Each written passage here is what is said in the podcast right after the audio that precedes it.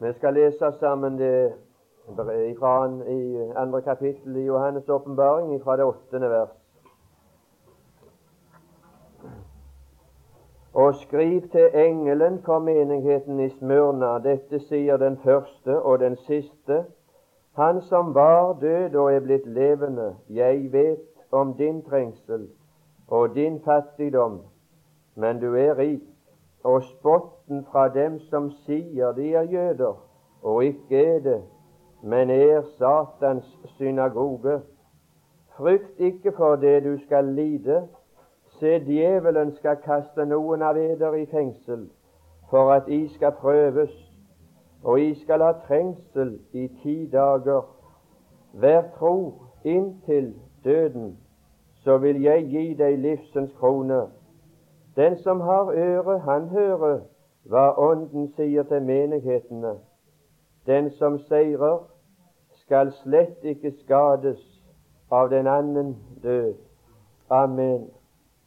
Herre Jesus, det begynner å bli voldsomt, det som du utøser på vårt sinn og vårt hjerte i denne dag. Jeg ber deg, Herre, om din ånds hjelp til å bevare de dyrebare sannheter som du la og utøste så overflødig kors i den timen som nå ligger bak. Takk for den velsignelse det ble meg til del. Takk for det lys som det brakte for mitt sinn. Og vi får lov å be deg, Herre, La din ånd få lov fortsatt å virke iblant oss og få rom. Åpne opp for himmelens luser. Amen. Det var noen spredte trekk jeg vil få lov å dele ifra denne ifra dette avsnitt i Johannes' åpenbaring. Og jeg vil ikke forsøke å gjenta noe av timen i formiddag, for dermed taper en for mye tid. Men uh, dette bildet som henges opp for oss i brevet til Smørna, det er ikke et brev, vil jeg si, til en menighet, men det er en del av Johannes' åpenbaring og har bare sin profetiske betydning det bildet som eh, en får hengt opp for oss av Gud i, i, her i, Tesmørna, Det er et bilde som du kan henge opp for historien, og så kan du se hvilken periode av historien ifra pinsedag som du vil kjenne igjen på det bildet der. Og det er ingen vanskeligheter for de som har orientert seg historisk. Og for de som har lest sin kirkehistorie, det er ingen vanskelighet for å kjenne det avsnitt i kirkehistorie igjen som dette bildet er, har tatt et profetisk bilde av på forhånd. Det omfatter, vil jeg først si, det omfatter tiden fra år 65 etter Kristus, og det omfatter perioden inntil år 313 og Når du har vært på dette bibelkurset, går du hjem og så leser du en kirkehistorie, og så ser du sjøl om du kjenner det igjen. I den perioden fra år 65 til 313 så var det stor trengsel for alle som bekjente Jesu navn. Det var den perioden som omtales for martyrtiden. Og her som det sto du skal ha trengsel i ti dager. Når Bibelen bruker tall, så er det symboler. Det er symbolske tall. Og at de er så bokstavelige, disse symbolske tallene Du finner de, du kan begynne å telle på fingrene. Og Nå skal jeg lese opp for deg noe som jeg har lest, altså Giva Velles kirkehistorie, og har telt til ti.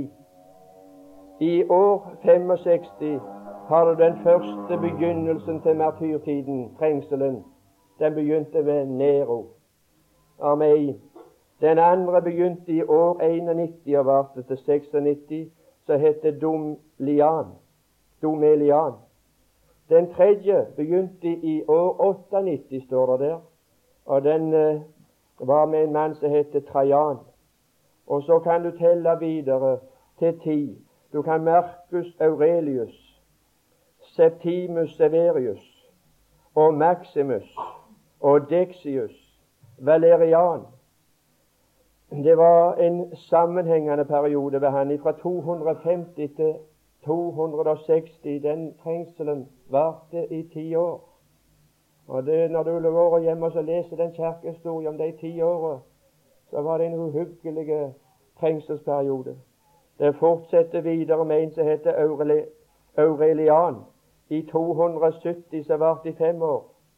Så kom det en ny, den tiende, Diokletian. Men den siste forfølgelsen, så var den verste av de alle, den hadde òg en periode av ti år. Det var ved Galerius. Så var martyrtiden slutt. Du finner ikke noen slik periode senere i verdenshistorie kirkehistorie for Guds barn. Hva varte i de, i de der ti forfølgelsesperiodene? Det er ikke vanskelig når du henger opp bildet og kjenner det igjen. Og åpenbaringen er ei bibelbok som åpenbarer som var en åpenbarelse om hvorledes det skulle gå. En profetisk bok som skulle fortelle hans tjener om hva som skulle skje. Og således gikk det. Så er spørsmålet som jeg vil få lov å dra fram og, og forsøke her å, å finne svar på i Guds ord. Det var for hvorfor Gud tillot slike grusomheter som leser. Det er noe av det verste som jeg har lest. Det er det verste jeg har lest. Jeg har ikke lest noen bok. Jeg har lest en bok som heter Exodus som beskriver jødenes historie fra år 1850 ca., når den første tanken blant jøder oppsto i Polen om å vende tilbake til Palestina. Jeg har lest den boken om den forfølgelsen som det folket gjennomgikk både før krigen og ikke minst den som de gjennomgikk under, under, tysker, under krigen ved, ved Hitler. Og jeg har lest den grufulle behandling. Stakkars det er Hitler som får gjennomgå, men stakkars England, Så en skal stå til ansvar for sin behandling av jødene. Når de flykta, for det var ikke plass for dem på det europeiske fastland, så kjøpte de en båt som de kalte Exodus.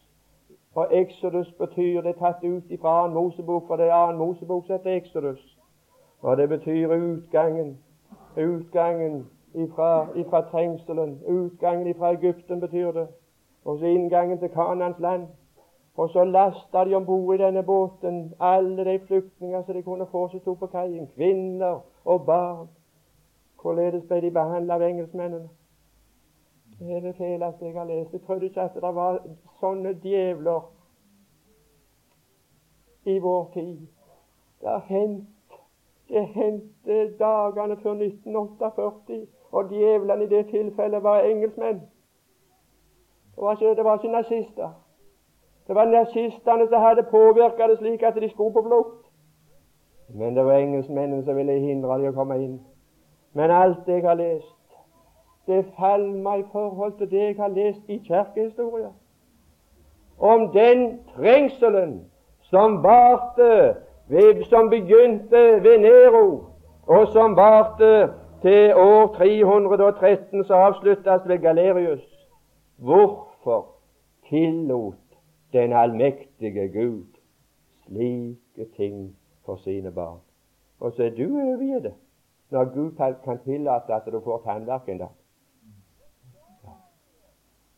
Hvor er Gud henne, som kan tillate at du kan få litt verk?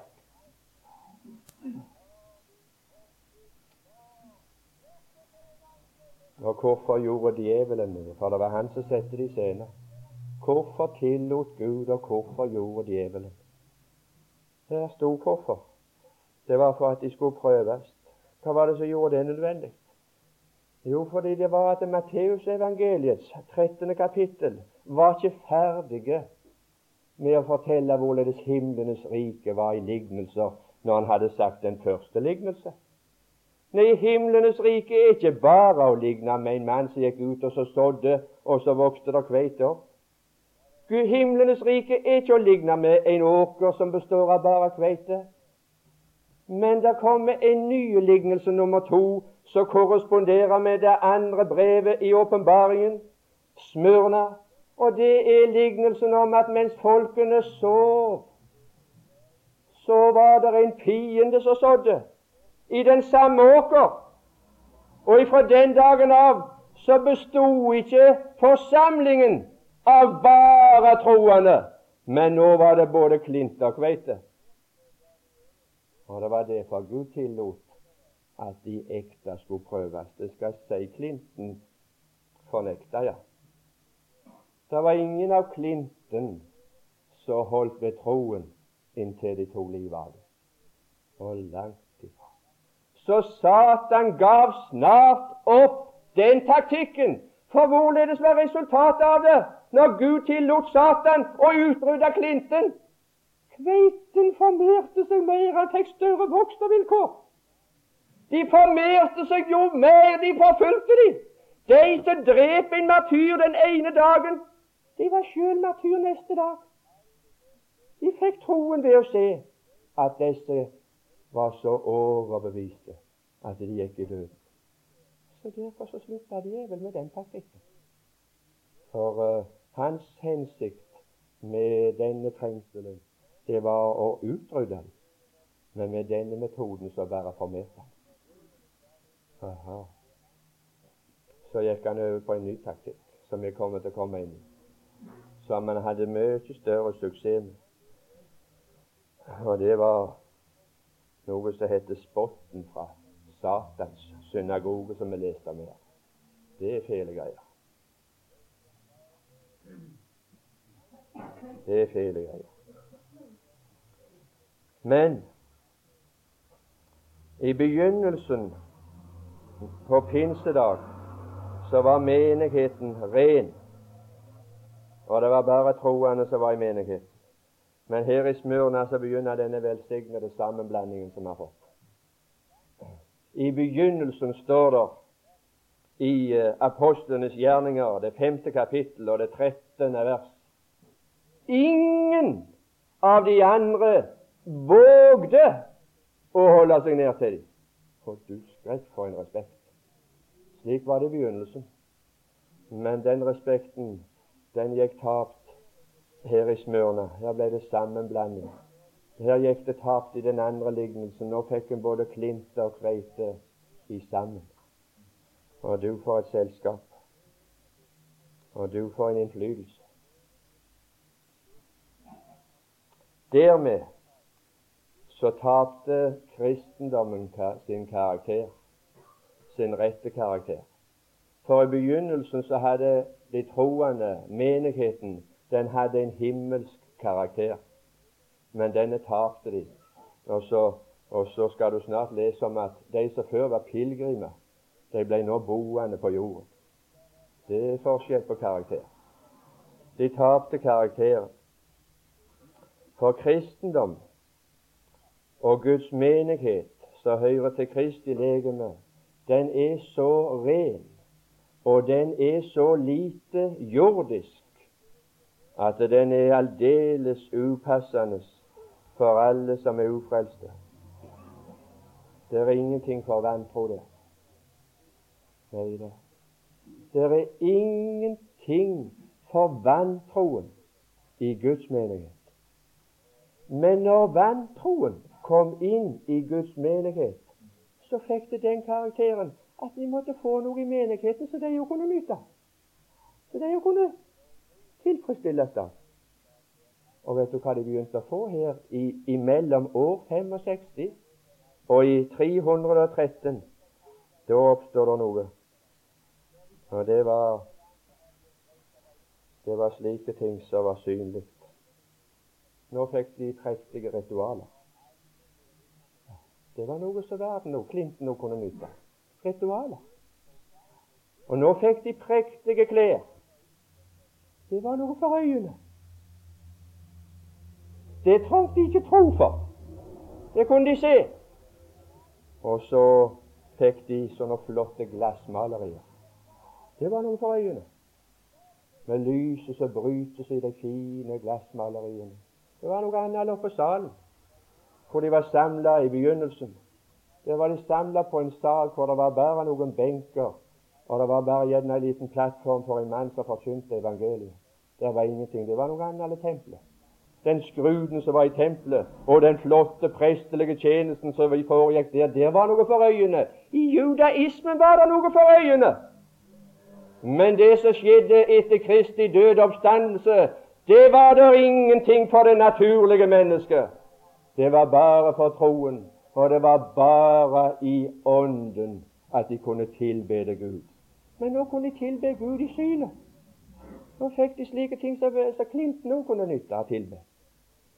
Og så fikk de prektige bygninger og skulpturer. Røkelse fikk de, så det lukta godt i disse flotte bygningene. Her kom de i åndelig ekstase, verslige så vel som kristelige. De kunne trives gjerne.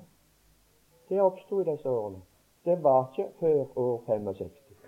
Det var ikke i Efesus. Det var ikke på salen. Der var det ingenting slikt.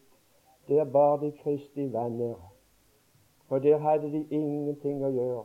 Eders åndelige gudstjeneste består i det leper som lover Hans hellige navn. De var arbeidsløse etter Kristus hadde sagt det var fullbrakt. Det var det de var. De hadde ingenting annet enn å synge lovsanger og prise Herren, og i tillegg til det å dele med andre. Det var alt det de hadde å gjøre. Slik var det i menigheten når de var sammen med Herren og trodde på Ham. Men i denne perioden oppsto så oppsto slike ting som gjorde det mulig å få naturlige mennesker til å trives i kristelig arbeid. Ja, det er grusomt. Ja, det Men uh, ingen av de som var klinte, som trivdes i dette, Ingen av de kunne rose seg av at de var et utkalt, utkalt folk. Nei, den talen forsto de ingenting av. De snakket ikke om at de var utkalt, de. Nei. Og ingen av de roste seg av at de var prest for Gud. Å nei, det var, det var hovmodig tale. Det var åndelig stormannsgalskap å kalle seg for prest for Gud. Nei, det oppsto i denne perioden.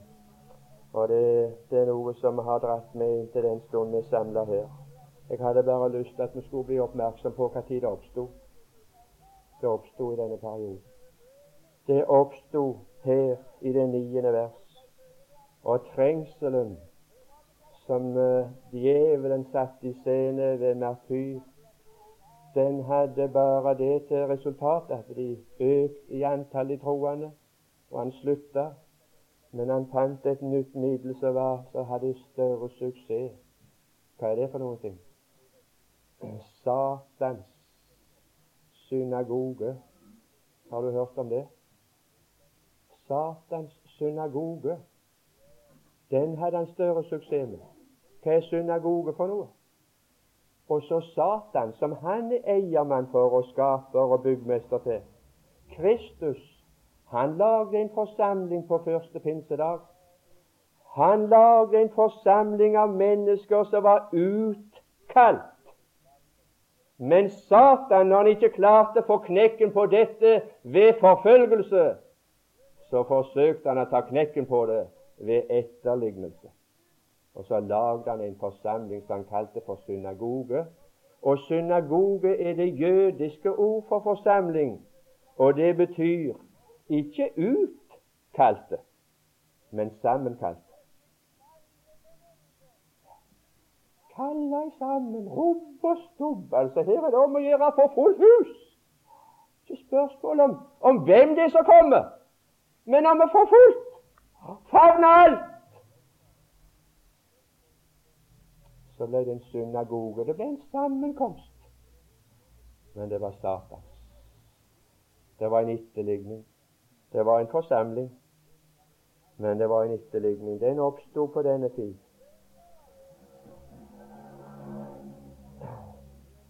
Men før en vil stanse noe mer om det der,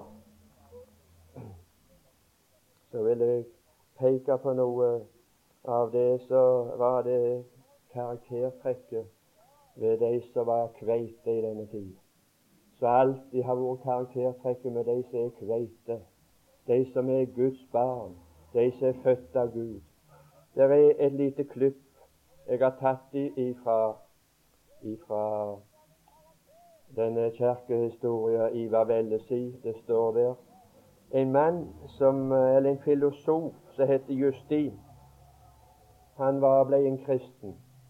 Og så ble han tatt, og så skulle han, så skulle han drepes som martyr.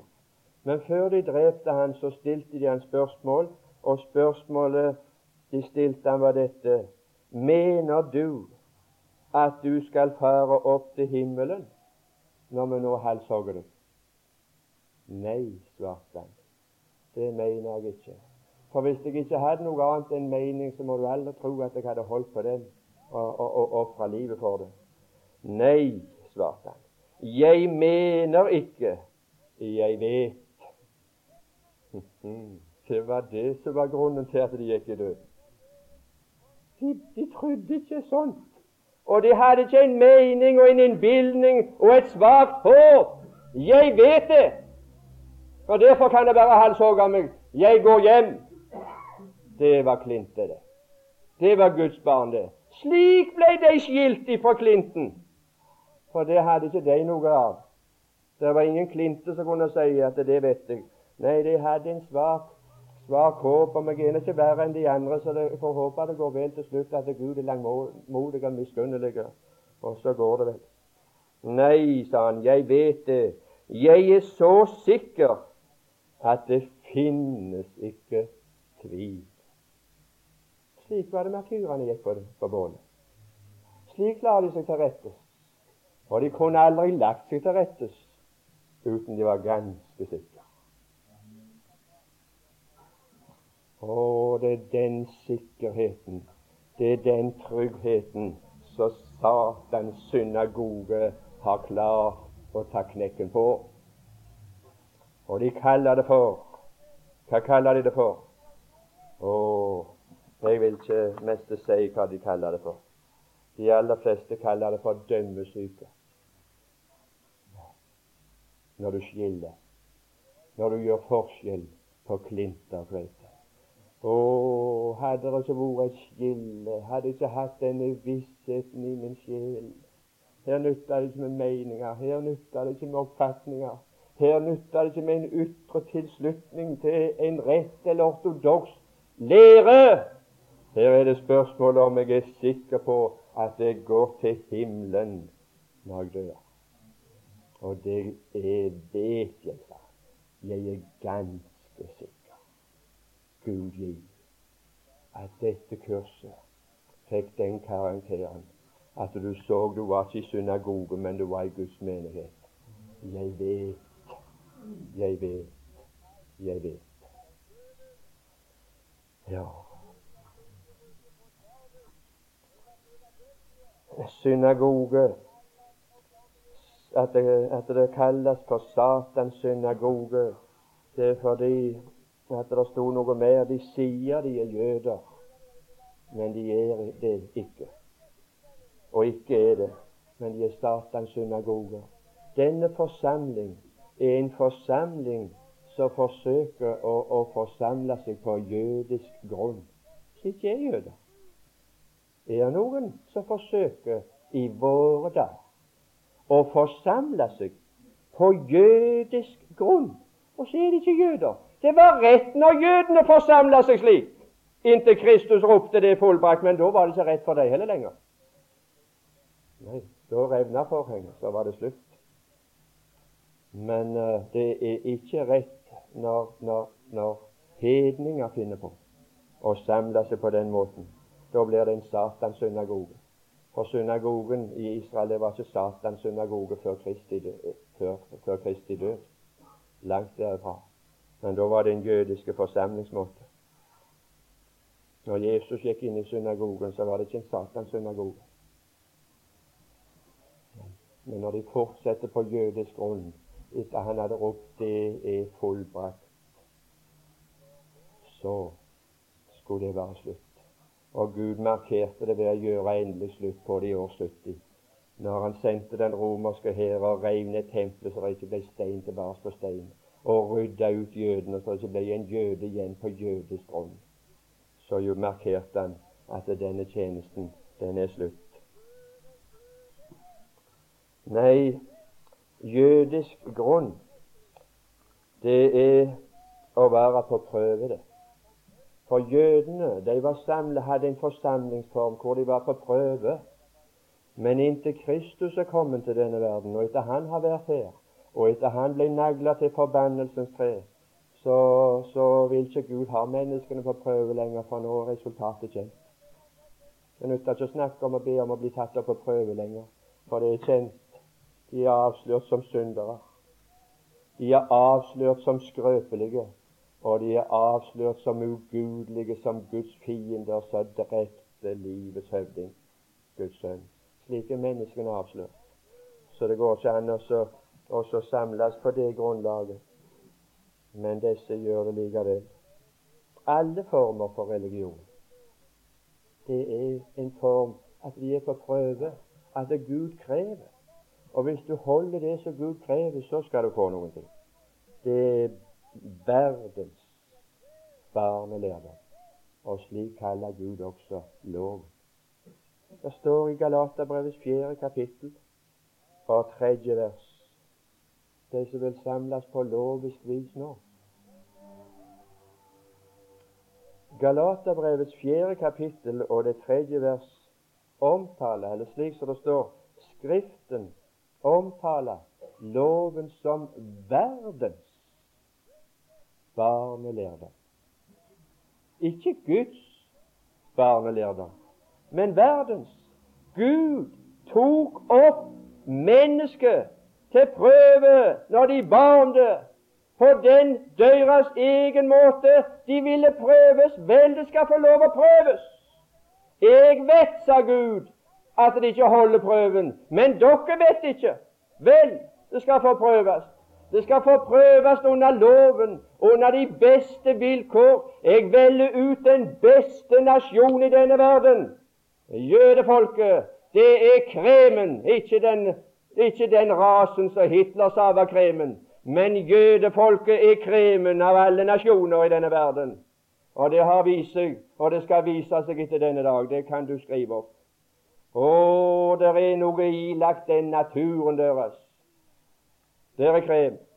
Jeg velger den beste nasjonen og gir de de beste vilkår. Så prøver jeg de beste på de beste vilkår.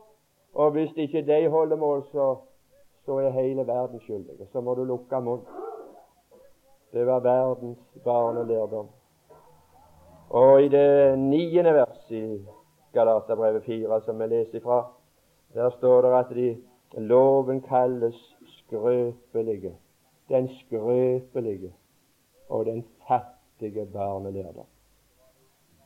Ah, I denne periode fra år 65 til 313 så oppsto det en ny forsamlingsmåte. En forsamlingsmåte som samla seg på synagogevis, under prøve, under lov. Gjør, så skal du få Guds velsignelse. Ja, ja. Det gjorde det. Jeg skal ikke jeg skal ikke ta fram noen eksempler på det som Luther klarte å få fram i lyset. Dette gjerningsvesenet fra den katolske kirka som pinte livet av folk gjennom lange tider. Å, dette strev. Han som krøp opp de trappene der nede. Å, for ei tid. For en forferdelig måte å forstandes på.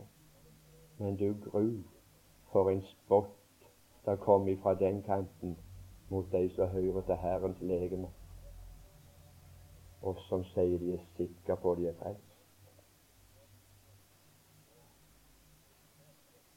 Du kan godt si det at du tror du er frelst, hvis du ikke mener at du vet du er frelst. Det, det. tåler du. Det tåler du. Men hvis du legger den betydning i tro at du vet og er ganske sikker Oi, da får du hån, og da får du spott. Men da trekker de på skulderen. Han der er blitt løyet. Nå går det rundt for dem. Ja. Kristendom, hva er det for noe? Ja, kristendom, frelse, Guds menighet som var danna for pinsedag, det er iallfall ingen formildelse av loven. Det må vi ikke innbille oss. Det er bare én ting som kristendommen er. Det er bare én ting som gjør at jeg vet jeg er frelst. Det er at sannheten om meg er kommet for dagen. Sannheten kommer for dagen. Jeg har erkjent hva jeg er. Jeg er et menneske som er avslørt av Gud. Synder tvers igjennom. Ugudelig. Ikke i bare det at du lever ugudelig menneskelig talt, men ugudelig i den betydning som jeg lærte at ordene betydde når jeg gikk på folkeskolen, at når det kom U framfor, så var det antigudelig. Motsetning til gudelig. Ugudelig. Motsetning til Gud i alle ting. Slik er min natur. Slik er jeg avslørt. Skrøpelig som ikke kan være annerledes som jeg vil. Ha? Har du erkjent det? Som ikke kan, selv om jeg vil. Det er noe gale at jeg var en synder. Men at jeg ikke kunne være annerledes hvis jeg ville. Nei, det var det lenge før jeg erkjente. Ja. Å nei, jeg er ikke opptatt av Gud på prøve lenger. Gud formilder ikke lov. Og så fiende av Gud. Gud fiende. Kristus døde for oss mens vi ennå var skrøpelige. For mens vi var fiender, døde Kristus det passet til for Gud. For en beskrivelse. Hva er det med slike mennesker? Kan Gud ta slike opp på prøve? Og langt ifra. Her er ikke bruk for prøve lenger. Her er det en måte jeg kom inn i Guds forsamling på. Det var ved døden. Vi sier det er liv, håp så lenge det er liv. Men så lenge det er liv, er det ikke håp for Gud. Ikke tale om. For da er det bare døden. For når et menneske lever, så er han under dom, dødsdom. Men hvis du er død, å, hvis du erkjenner du er død i synder og overtredelser, Umulig å bli annerledes enn jeg er. Da er det muligheter for Gud å komme inn. Men Gud, sier Feserbrevet. Men Gud, hva var det han gjorde? Å, men Gud har for sin store kjærlighets skyld, som Han elsket oss med, gjort oss levende. Oi, det var litt av en forsamling. Som består av levende som ikke er på vei til å dø, mens han har vært død og er blitt levende. Å, et oppstandelsesliv. Men da begynner det Nei, det forstår jeg ingenting av, sier jeg. Nei, det kan ikke Klinten glede seg i. Og langt ifra. Nei, men så lenge det er liv, å, en må ta seg sammen, en må gjøre noe, så skal en få himmelen. Det kan verden si. De er på vei opp, sa, sa, sa Aurebekk her på med. De holder på å gå opp, det. Men jeg var ikke på vei opp, jeg var på vei ned. Og så fant han meg i døden. Og så var alt håp ute. Så nå var det enten bare dom, eller så måtte det være bare nåde. Og nåde atter Kjærlighetssamband. Så ble jeg gjort levende av Gud. Gud krever nemlig ikke det djevelen som har fått innbilt det. Det er djevelen som er Gud i synagogen. For hva er det, hva er det vi har lest i Bibelen? Er djevelen han med hestehoven? Som jeg leste i billedboken da jeg var guttunge. For minstefører så var bare redd han. Så så jeg det skitne etter han på snøen. Og så med hoven så skremte mest vettet av meg i fantasien. Han med hoven, og han med hodna. Er det han? Er det sånt han er? Og Jesus han sa noe. Denne verdens Gud er djevelen. Hvor er han Gud henne? I synagogen sin. Der. Han tilbedes som Gud i sin synagoge. Hvorledes? ved en etterligning. At han, gir seg, han lager et avgudsbilde av Gud. At Gud er en krevende Gud.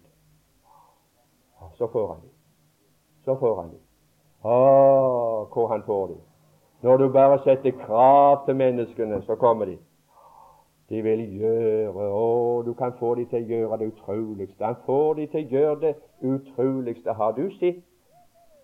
Jeg tror de har vært her i Mosby ikke for så lenge siden. Noen som kaller seg for misjonærer, som går to og to, for de skal være så bibelske.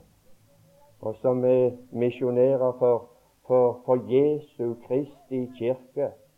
Og du verden så flott det høres ut. Av de siste dagers hellige. For du skrekk så flott det høres ut. Og noen mennesker som er så nidkjære som deg, det skal du lete lenge etter. Ja, du skal lete lenge etter maken. Gud får de til, Den guden de har, får de til å gjøre hva de vil. Å, for de må gjøre. Så får han de. Så er de lydige redskaper. De må. Det er ikke av frivillighet. Det er av tvang.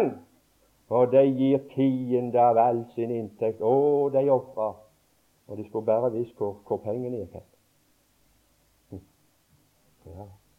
Til synd og usedelighet blant hoffet for det der styret der. Ja, jeg skal ikke komme inn på det. Men bare hadde vi ikke hatt noen andre enn de som var så åpenbare, så var det ennå noe. Men alle forsamlingsmåter som ikke er forsamling om Herren, det er en synagoge. Og da er det en Satans-synagoge. For Kristus har bare én forsamling i denne verden.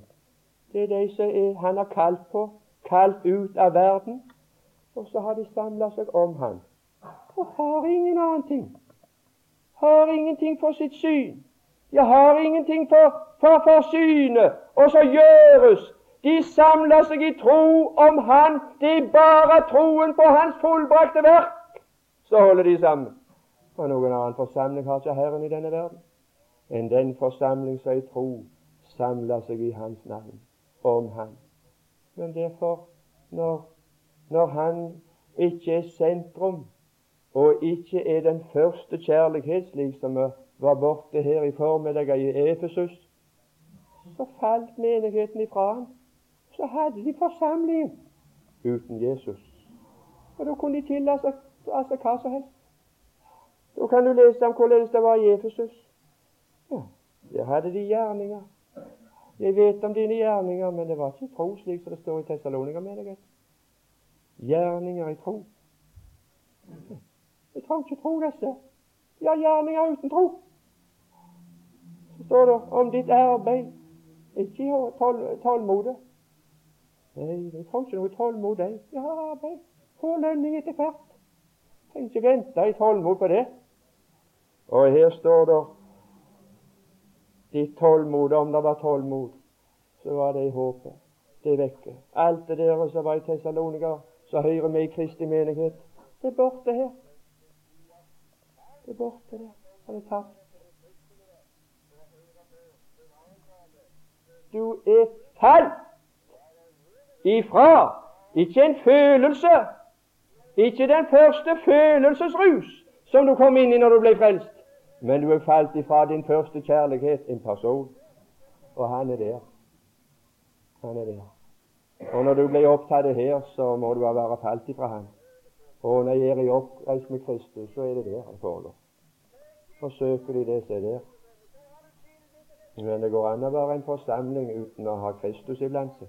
Det skal du lese om i disse menighetene. Å, det var ikke Kristus som var sentrum i denne synagogen som jeg leste om i den katolske kirka. Og langt ifra. Nei, det som er kristendom, det er at Gud er i lyset, og vi er i lyset. Et lite klipp fra 1. Johannes brev, første kapittel. Der står fra begynnelsen av er det det tredje vers. Gud er lys, og det er intet mørke i Han. Det er det første. Men det, det, det som er evangeliet, det er at Gud er i lyset. Der står dersom vi vandrer i lyset Gud er lys. Dersom vi vandrer i lyset, like som Gud er i lyset. Når en mann, en person kommer i lyset, så blir han avslørt. Det er Gud som blir avslørt i Guds lys. Hvor ble Gud avslørt? Hvor kjenner jeg til Gud i lyset? Ah, det var det som skjedde når han ropte på Golgata. Det er fullbrakt straks revnet forhenget i tempelet fra øverst og nederst. Det bana ikke bare veien for meg inn til Gud, men først bana det veien for Gud ut til oss. Ja, det er det som er evangeliet. Gud hadde ved Kristi død et grunnlag til å komme ut til syndere. Nå kommer han ut, og nå kommer han ut og åpenbarer seg slik han er. Gud er i lyset. Gud er avslørt i kristenheten. Han er ikke i mørket. Han er ikke bak et alter så du ikke kan se. Han er i lyset. Han er i lyset fra Golgata. Å, hvorledes har jeg lært Gud å kjenne i lyset? Gud har avslørt seg som den han er, og har et grunnlag til å gjøre det.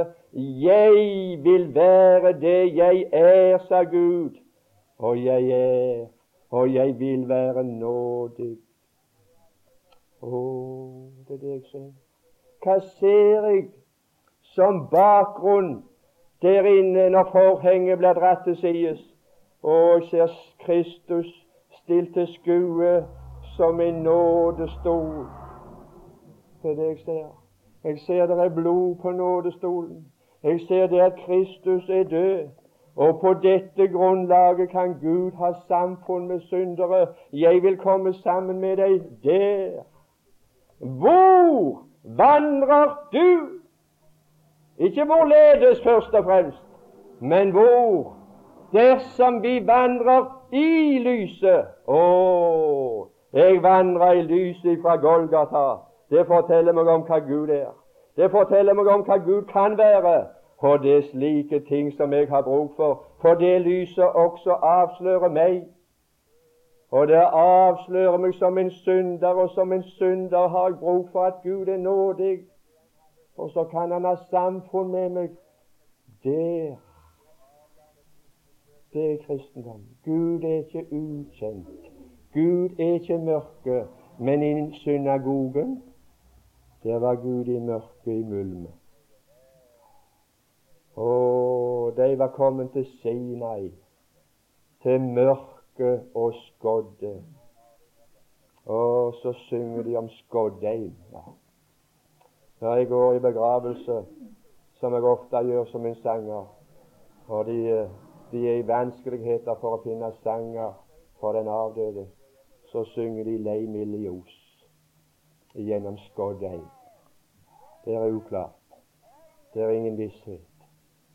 Det går ikke an å tale om den døde, for ingen vet hvor han gikk hen. Det er skodd, og det er mørke. Å, jeg vet, jeg vet. Her er ikke skodd, her er ikke mørke, her er ikke uvitenhet. Gud er lys, og det finnes intet mørke i ham. Og han er kommet sjøl i lyset. Lyset har avslørt Gud for oss. Å, det evige liv, det består ikke i å kjenne meg. Da havner jeg på, på galehus. Hvis jeg får lære meg sjøl å kjenne bare, så havner jeg på nervesanatoriet. Nei, evig, evig liv består ikke i å kjenne seg sjøl, men det evige liv består i å kjenne Gud. Og hvorledes kjenner du Gud? Jeg kjenner Han som den som er kjent. Og i som ved ham, sier apostelen, tro på Gud. Jeg tror på Gud, for jeg vet hvorledes Gud er. For Gud har avslørt seg, han er kjent. Åh, det, er ikke, det er ikke slik som sangeren synger 'Nå til ukjent land jeg går'. Og for din domstol står og langt ifra. Nei, der er ingen domstol, for der er ikke noe så ukjent. Gud er i lyset, han har avslørt seg. Jeg vil være nådig. og jeg vil ikke komme dine synder mer i hu. Dersom vi vandrer i lyset, like som Han er i lyset, da har vi to samfunn med hverandre. Og grunnen for det samfunnet Jesu Kristi, Hans Sønns blod, renser fra all synd. Hva som blir avslørt i mitt liv, Jesu Kristi, Hans Sønns blod, renser fra all synd. Å, det er samfunn. Gud har grunnlag for samfunn med syndere som meg. Det er kristendom. Og det var det det gikk i døden på. Det var denne vissheten. Det var denne åpenbarelse. Jeg mener ikke at det går til himmelen. Jeg vet det. Jeg er så sikker der finnes ikke tvil. Det var, det var martyrtidens typer for frelste mennesker. Og det er mulig for oss å ha samme karakter. Ja, ja, så skal vi slutte.